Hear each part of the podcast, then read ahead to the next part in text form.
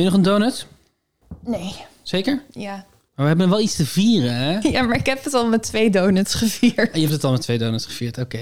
Ik twijfel of ik er neem. Maar als jij er geen neemt, neem ik er ook geen. Maar je moet gewoon... Je moet naar je eigen lichaam luisteren, weet Ja, maar je mijn nog? lichaam zegt, je hebt absoluut geen donut nodig op dit Oké, moment. fair enough. Dat is, het, is meer, het is echt het idee van het feestelijke. Ja. Ik, ehm, ik liep gisteren door de regen, of door de, de motregen over straat.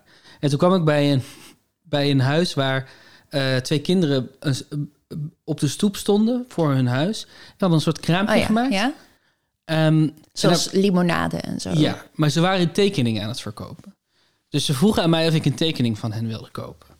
Toen zei ik, dat was een beetje een leugen, maar ook niet helemaal. Toen zei ik, ik heb geen geld bij me, dus ik kan helaas niks kopen van jullie. Waarop een van de twee zei, oh, maar kan je wel iets kopen, want deze is gratis. Toen zei ik, oh, nou, als er één gratis is, dan wil ik die wel. En er waren, lagen een aantal ehm, helemaal heel mooi, nee, helemaal niet heel mooi, lelijke kindertekeningen, gewoon klassieke kindertekeningen. En ze gingen er even doorheen en ze dachten, welke zal ik nou aan deze meneer geven? En toen kreeg ik dit.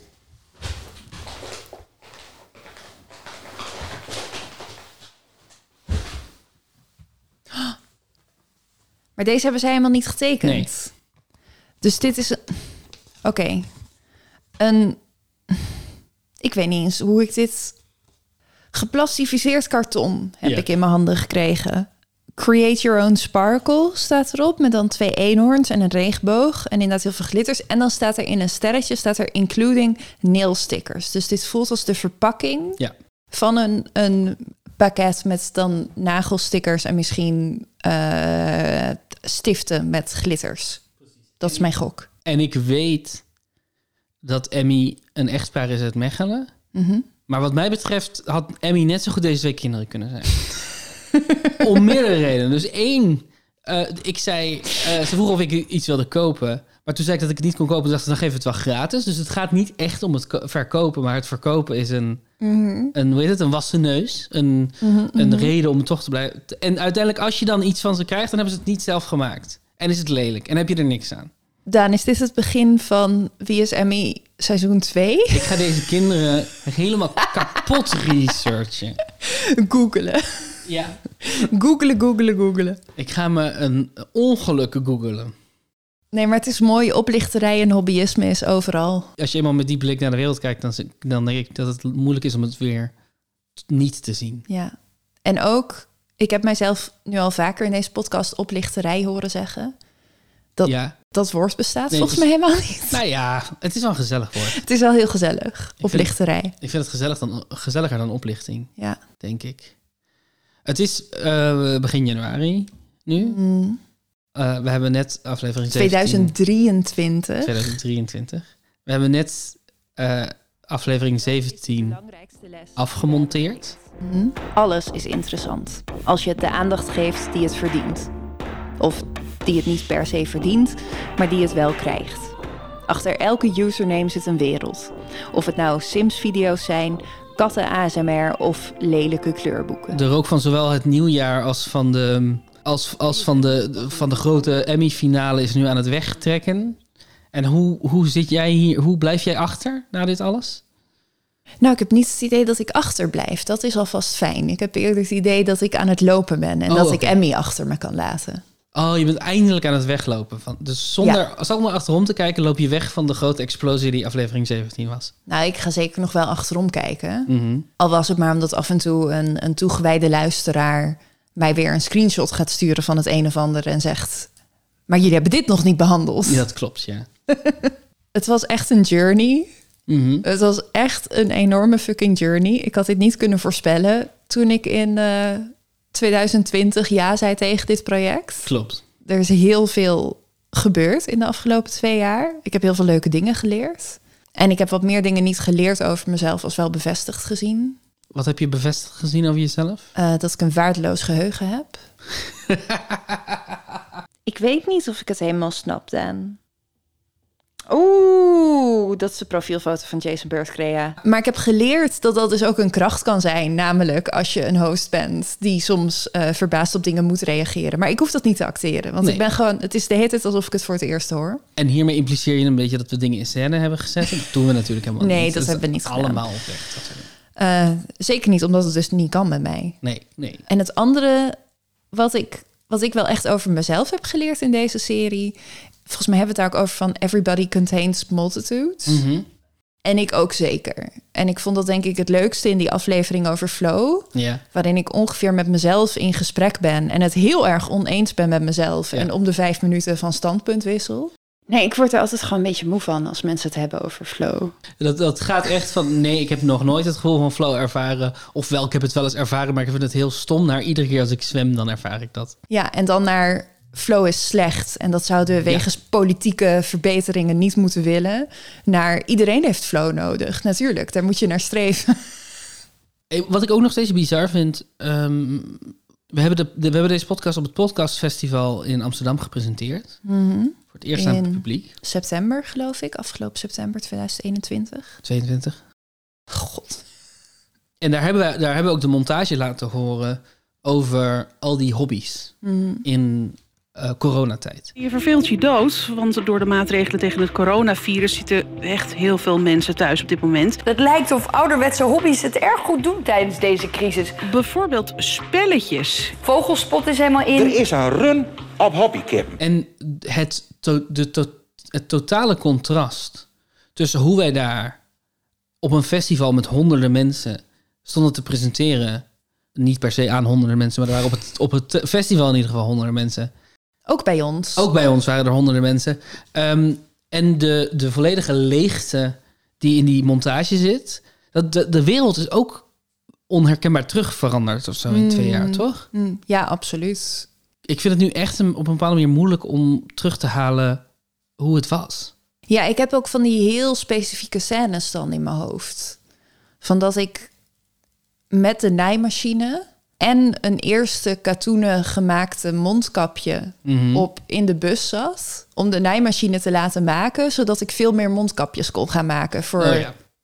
iedereen die ik kende. Hoeveel mondkapjes heb je gemaakt uiteindelijk? Eh, een stuk of tien, denk ik. Was het de, de, het geld van het laten maken waard? Nee, maar zo moet je een hobby niet zien. Daar hebben we toch Oh, is uitgebreid waar. over Dat gehad in deze dat is waar. podcast. Dat is helemaal waar. Ja, ja ik, heb, ik merk dus dat ik heb heel veel herinneringen aan de lockdowns. Maar ik denk dat al die herinneringen zijn uit de eerste drie weken. Oh ja. Het is zo, de eerste drie weken heb ik heel veel herinneringen aangemaakt over hoe het is om de hele dag thuis te zitten. En daarna is dat de normaalste zaak van de wereld geweest. En toen was het opeens 2022. Nee, ik heb ook nog wel. We hebben veel gewandeld ook tussendoor. Mhm. Jij en ik. Ik denk ook wij gewoon als in de luisteraars, het collectieve wij, maar jij en ik ook. En dat kan ik ook wel plaatsen door die lange periode heen, omdat daar een soort van verschil. Ik zie ons nog zo lopen met verschillende afstanden tussen ons in. en ook dat we dan aan het lopen waren en dan hadden we zo, weet je wel, proberend anderhalve meter afstand tussen ons in te houden, maar dan kwam er een auto of zo en dan ging jij ook aan de andere kant van die auto lopen. Ja. Dus dan was ik zo over dat dak heen, zo'n soort van. Ja, dat klopt, ja. Ja, en wat vind jij nou van dat nieuwsartikel? Dus wat je eigenlijk zegt is dat we in de, in de maakperiode van deze podcast dichter bij elkaar zijn gekomen. Ja, ik denk dat dat een hele mooie. Ja, want we waren al uit elkaar gedreven natuurlijk toen we begonnen. Ja. Dat was eh, najaar 2020. Heb je het idee dat je, ja, je, je, je- ongetwijfeld in de periode dat we dit hebben gemaakt, is jouw leven veranderd? Weet je hoe? Ja, eh, verschillende dingen. Ik denk dat een van de belangrijkste openbaringen voor mij was dat ik eigenlijk best goed ging op de lockdown. Eh, dat, dat hadden niet veel mensen. En ik moet er ook wel bij zeggen dat zeker in het begin ging ik er niet goed op. Want toen was ik gewoon eh, verlamd door angst Ja. en paniek. En wat gaat er gebeuren? Ja, het is, het is echt moeilijk om nu terug te halen hoe eng dat was. Oh, ik was zo bang. Ja. Ehm, maar ik denk na een half jaar of zo. Toen was het ook wel vooral dat ik dacht... oh, die lockdown is echt heerlijk. Ik hoef nergens meer heen. Eh, ik zie niet zoveel mensen gedurende een week. Het is echt... Ik bloeide daar best wel een beetje van op. Mhm. En ik weet ook nog dat... Nou, toen kwam die Tozo erbij en zo. En dat, dat ik echt dacht... oh ja, dit is, dit is best wel mijn ideale leven. Basisinkomen. Basisinkomen, gewoon een beetje schrijven, af en toe wat mensen zien, niet te veel, rustig aan, saai leven. En ik kan niet zeggen dat ik dat helemaal heb volgehouden tot aan nu. Mhm. Maar hoe ik mijn weken nu inricht, is wel echt wezenlijk anders dan voor corona. En dat is allemaal omdat ik door corona eigenlijk erachter kwam dat ik helemaal niet zoveel energie heb. Dat, vind ik zo interessant. Maar ik snap dat heel goed. En ik, ik zie dat ook aan je. Ik merk dat je nu veel meer tijd voor jezelf inplant, volgens mij. En veel meer Ja. tijd voor jezelf houdt. Mijn ontdekking in de coronatijd is dat ik helemaal niet zo introvert ben als ik dacht. ja, precies het omgekeerde. Ik ben er 100% achter gekomen dat hoewel ik ehm, sociaal contact met mensen die ik niet ken eng of vermoeiend kan vinden, dat so- sociaal contact met de mensen waar ik van hou echt essentieel is voor mij. Ja, ik heb het idee dat dat wel de meer de breder gedragen ontdekking was. Dat heel veel mensen erachter kwamen van, Ja. oh, deze dingen zijn echt belangrijk voor mij. Je kunt niet alleen op Instagram een sociaal leven volhouden. Ik wil de mensen zien. Ik wil Ja. naar het café gaan. Ja, en ik denk dat dat gewoon wel voor iedereen geldt van, we zijn er wel een beetje achter gekomen wat belangrijk voor ons is. Ja, Ja, en dat, dat kunnen heel verschillende dingen zijn. En een ander ding wat voor mij enorm is veranderd, is dat tot 2020 ik nooit een sporter ben geweest. Mhm. Eh, dus ik ging wel eens hardlopen, maar echt alleen vanuit het idee dat dat moest. ja. Eh, en dat dat goed voor me was. Dus altijd met frisse, frisse tegenzin. En nou ja, zoals ik ook in de podcast heb verteld, in de zomer van 2020 kon je niet op vakantie. Dus toen dacht ik, nou, dan ga ik buiten zwemmen Ja. en een soort cursus borstkrol volgen. Dat liep binnen enkele maanden helemaal uit de hand. Want toen ging ik bij een triathlonvereniging. Ja, je ging mee in, je ging mee in een triathlonvereniging. Maar, maar met een volledige desinteresse in twee van de drie dingen die je daar moest doen, toch? Nou, ja, half. Een volledige desinteresse in wielrennen. Ja. Dat heb ik nog steeds. Dat Heb je dat vertik ik gedaan? echt. Nee, ik heb geen doodswens. Dus je, bij de je zit bij de triathlon, Ja. maar je hebt nog nooit gewielrend. Nee. Gelukkig staat er ook op de website dat je lid mag worden als je twee van de drie sporten doet. Oké. En hardlopen doe ik nog steeds met frisse tegenzin, maar ik ben die trainingen wel gaan doen. En ik merkte ook wel dat het eigenlijk best lekker is om op zo'n atletiekbaan gewoon anderhalf uur lang helemaal kapot te gaan. Ja. En ik weet ook nog dus dat ik bij die triathlonvereniging zat en dat jij zei, nou, ik geef het een half jaar. ja. Eh, en dat ik dat ook dacht. Ja, natuurlijk, dit is niet iets blijvends. Maar goed, toen kreeg ik long COVID. Je kreeg eerst COVID. Ja, eerst kreeg ik COVID natuurlijk. Nou, Mhm. dat maakte geen enkele indruk. Dat was gewoon een verkoudheid van een week. Ja. Dus ik heb een beetje keelpijn, een beetje hoofdpijn, een beetje snotneus. Maar, maar echt op het niveau dat voor 2020, dat ik niet eens tegen mensen zou zeggen dat ik verkouden was. En in de week daarna of zo ging ik weer zwemmen. Had ik een hartslag van 205. Jesus. En eh, ja, bleek ineens dat ik bijna niks meer kon. En moest ik als een eh, bejaarde, ja, wandelen en fietsen. Maar echt, dus ik ging dan... Je hebt ook hier in Utrecht dat viaduct wat je over moet als je naar Overvecht gaat. Ja. Ik heb dat denk ik een half jaar lang niet kunnen fietsen. Jeetje. Dus ik moest dan afstappen en dan liep ik heel langzaam naar boven met de fiets aan de hand. En dan als ik op het middelste punt was, dan was ik echt zo aan het hijgen en bijkomen, bijkomen, totdat het weer een beetje oké en rustig was. En dan kon ik erop stappen en dan zo niet fietsend naar beneden glijden. En wat deed dat met je, met je hoofd? Want ik snap dat dit is natuurlijk heel heftig voor je lijf, maar wat deed het met je hoofd dat je zoveel, zo weinig kon? Ik baalde er heel erg van. Kijk, vier maanden of zo voordat ik dus niet meer een viaduct op kon fietsen, had ik zeven kilometer in zee gezwommen. En ook een keer 10 kilometer voor training. Dus ik was al helemaal in mijn hoofd met, nou niet deze zomer, maar de zomer daarop ga ik het IJsselmeer overzwemmen. Dat is 21 kilometer. Ja. En dan is het best wel een tegenvaller als je geen trap meer kan lopen. Ja.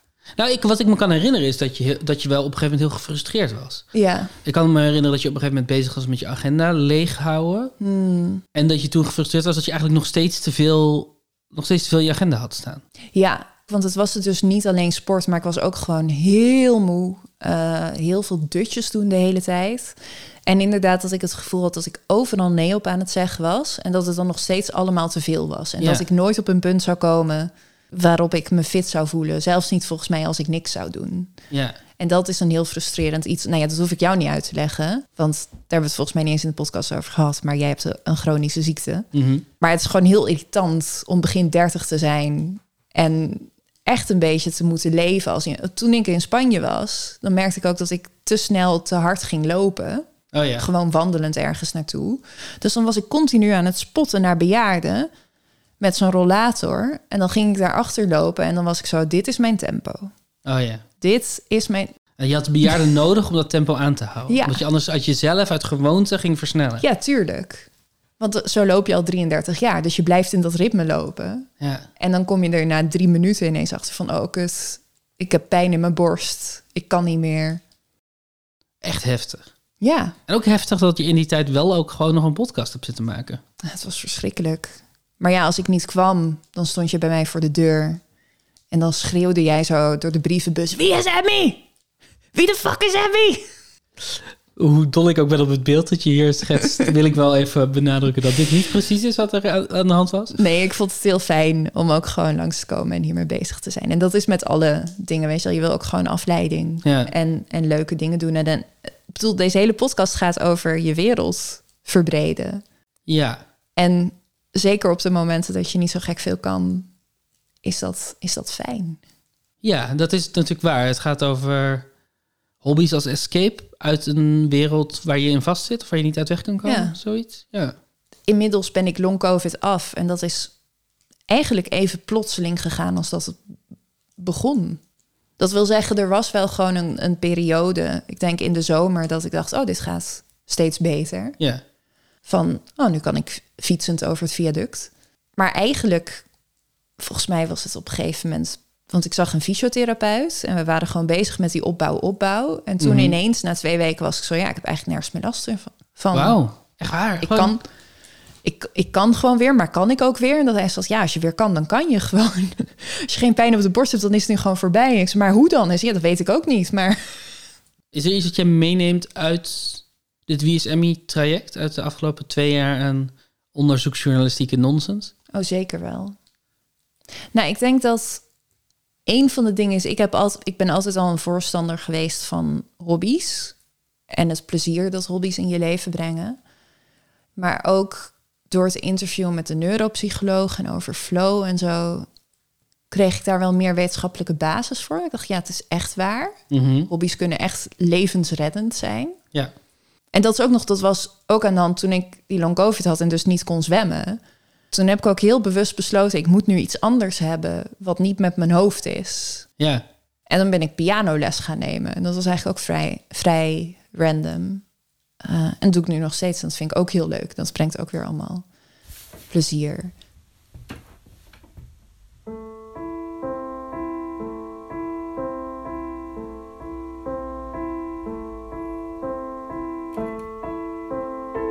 Dus het, het belang van hobby's in iemands leven.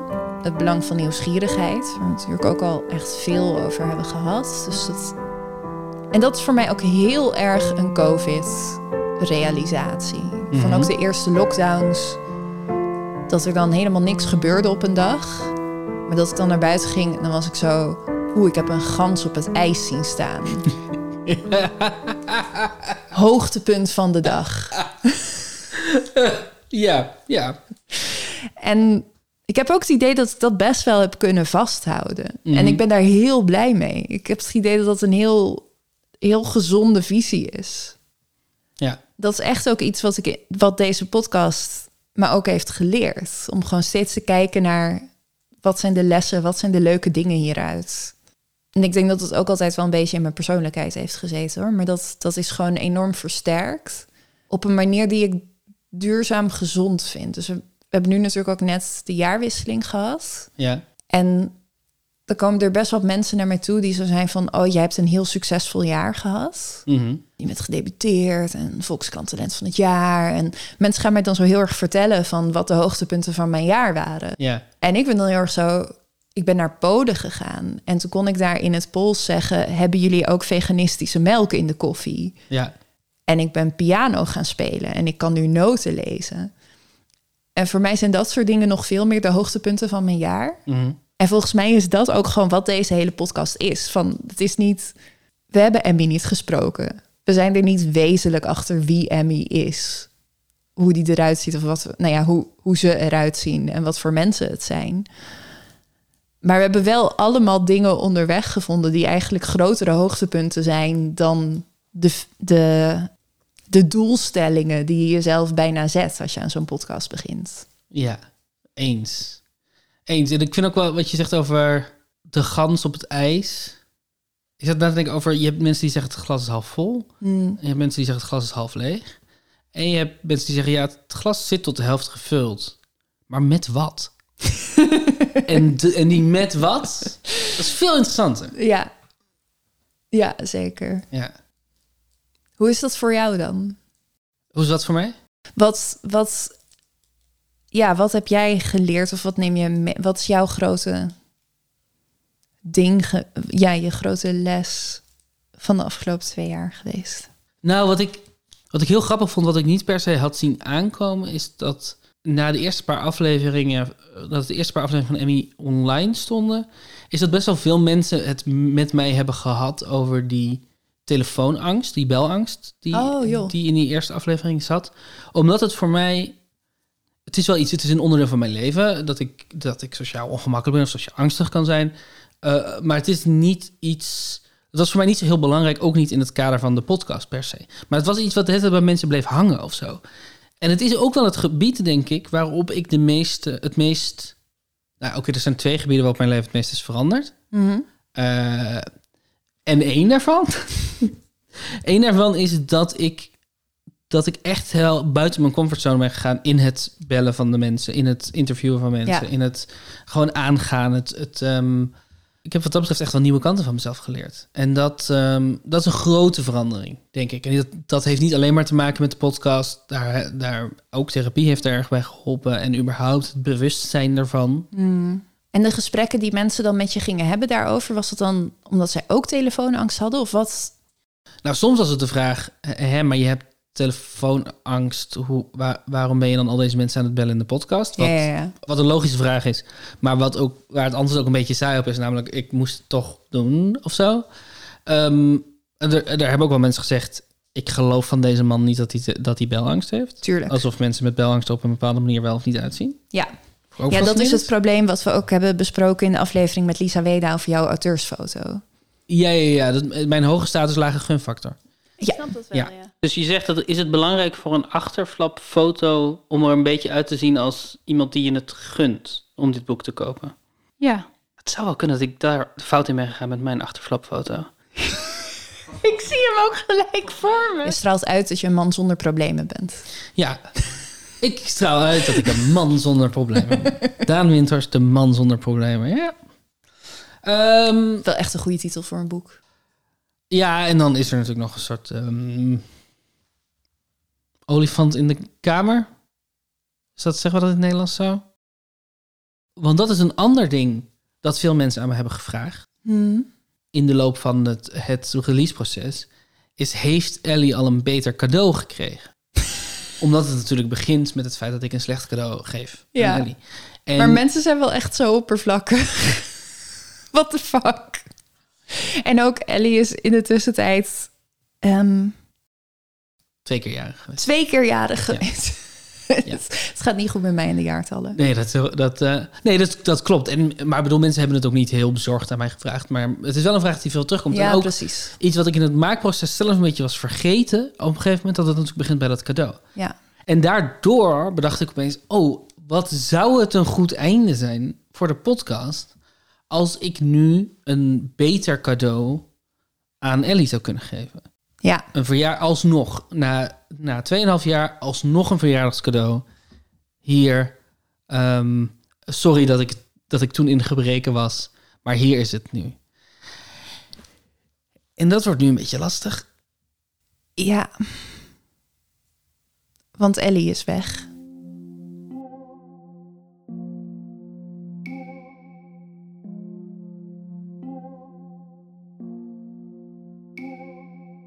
Het weekend voor de release van Wie is Emmy aflevering 7... Er is meer tussen hemel en paarden...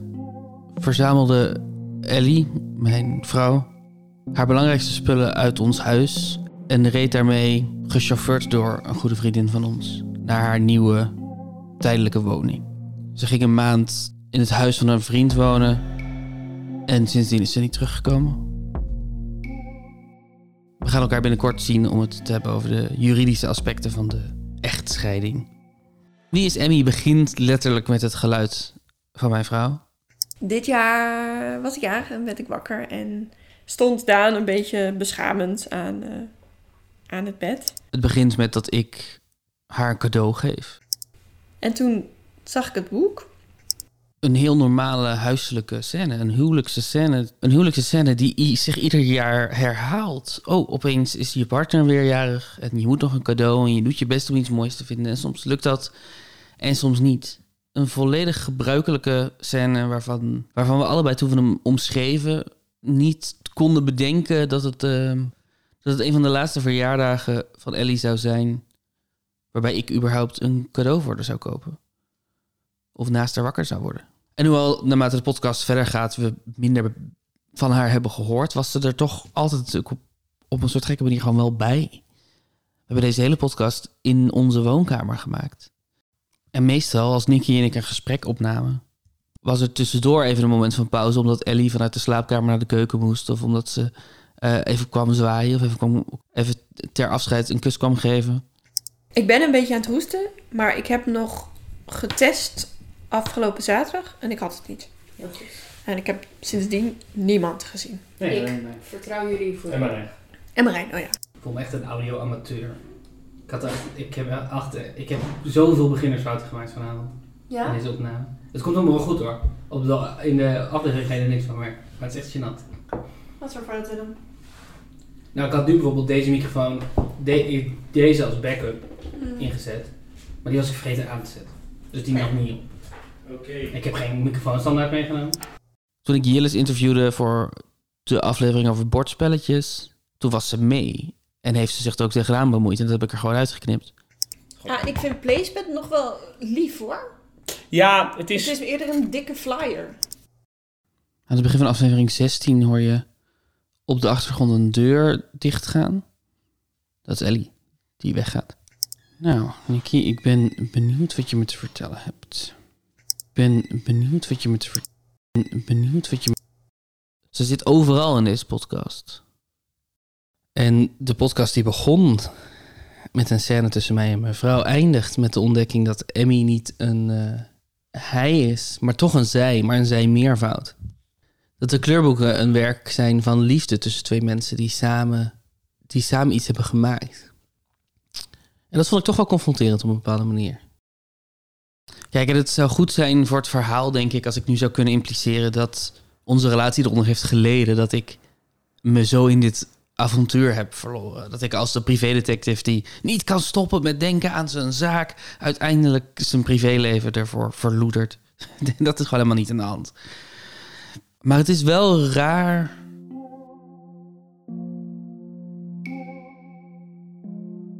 Toen we aan de podcast begonnen, was ik nerveus over of we hem snel genoeg af konden maken voordat de pandemie voorbij zou zijn. Omdat dit natuurlijk ook een verhaal is over hobby's en over eh, lockdown-hobby's.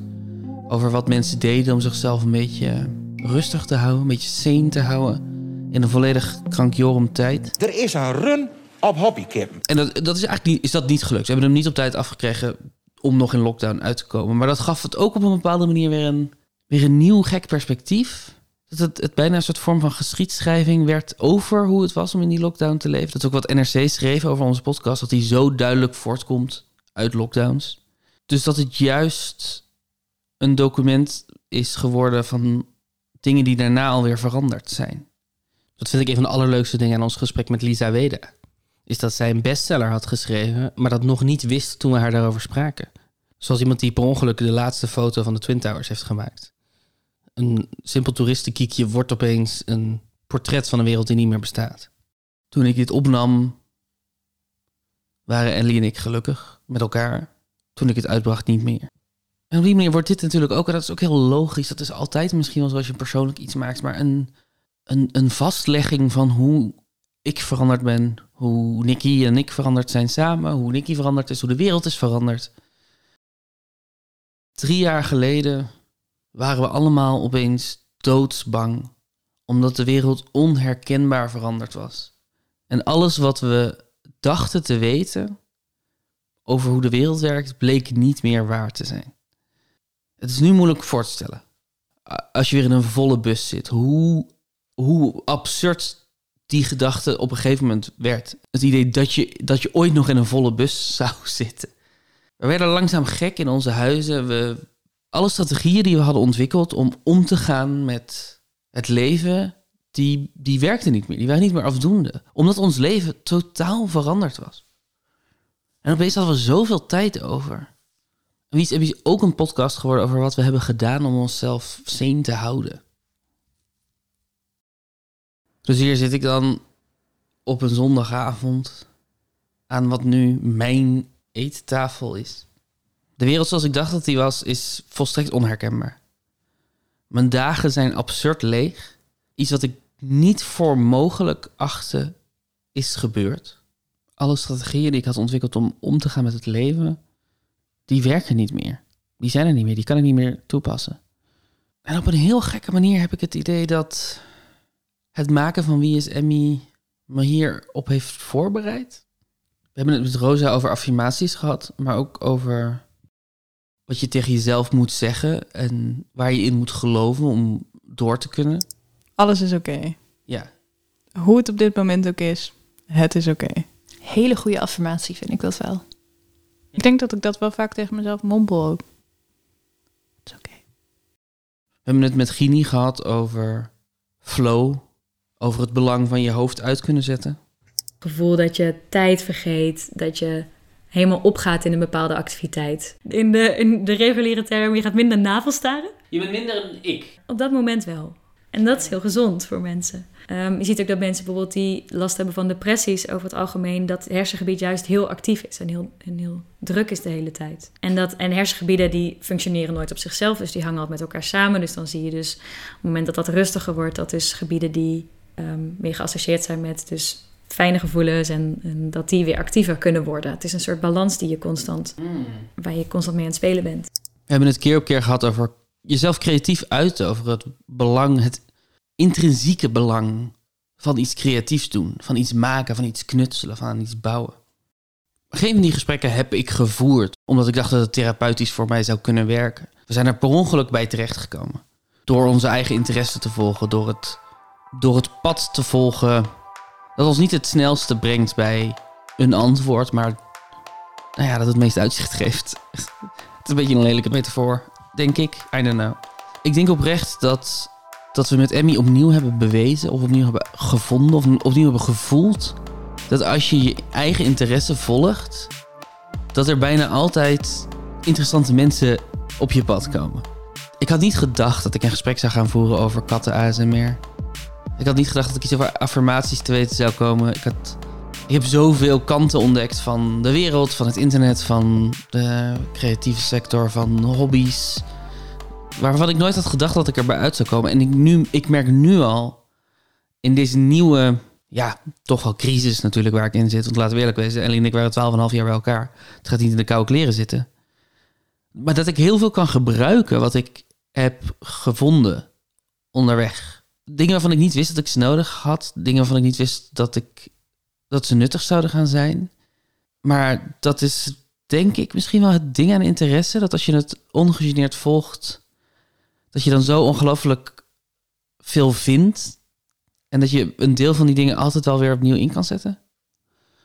En deze podcast functioneert misschien ook wel als een reminder naar mezelf toe. Dat um, op momenten dat blijdschap of vrolijkheid of tevredenheid of geluk misschien buiten bereik ligt voor nu. Zoals aan het begin van de coronapandemie het echt heel moeilijk was om vrolijk of optimistisch te zijn. Dat er dan altijd nog interesse is. De andere positieve basisemotie. Nieuwsgierigheid. Dat je jezelf misschien niet blij kan maken dat het misschien gewoon niet voor nu is om blij te zijn. Dat je niet blij hoeft te zijn. Dat je ook niet je best hoeft te doen om blij te zijn. Maar dat je wel geïnteresseerd kan zijn. Dingen kan ontdekken. Jezelf kan verbijsteren met iets wat je op Wikipedia hebt gelezen. Of dat je ergens tegenkwam. Of in een boek of weet ik veel. Ik wil het niet een te rond verhaaltje maken hoor. Ik wil dit niet te, te netjes doen. En ik, ik, ik, ik wil gewoon als, als we dan zeggen: oké, maar deze podcast is een verhaal over verandering. Waar we zijn begonnen en waar we eindigen. Dan wil ik wel ook onderdeel van de geschiedschrijving hebben gemaakt dat ik. Dat ook mijn liefdesleven, dat ook mijn romantische leven, dat ook mijn. God, hoe formuleer ik dit? Ook dit is veranderd. Ook hier, ook op dit gebied eindig ik heel ergens anders dan waar ik begon. Net zozeer als dat je je nu in een drukke trein niet kan voorstellen dat het ooit allemaal op anderhalve meter moest. Vind ik het nu moeilijk om me voor te stellen hoe we twee jaar geleden hier nog babbelend aan deze tafel zaten en dat er nog niks aan de hand was. Wat een conclusie. Volgens mij hebben we genoeg. We hebben meer dan genoeg materiaal. Oké, oké, oké. Ik vond het leuk. Ben jij ook blij met, met alles wat we... Zeg maar, is, weet je zeker dat er niet nog dingen zijn die je wil zeggen? Het is niet alsof Ellie hier niet woont. En Ik weet zeker dat ik niks meer hoef te Oh ja, dan ga ik nu op stap. Ja, dan moet je dit toch natuurlijk een beetje afronden. Ik denk dat het leven bestaat uit dingen kwijtraken en dingen vinden. Dingen kwijtraken gaat vanzelf. Dingen vinden moet je je best voor doen. En ik denk dat ik nu meer dan ooit behoefte heb aan een goede hobby.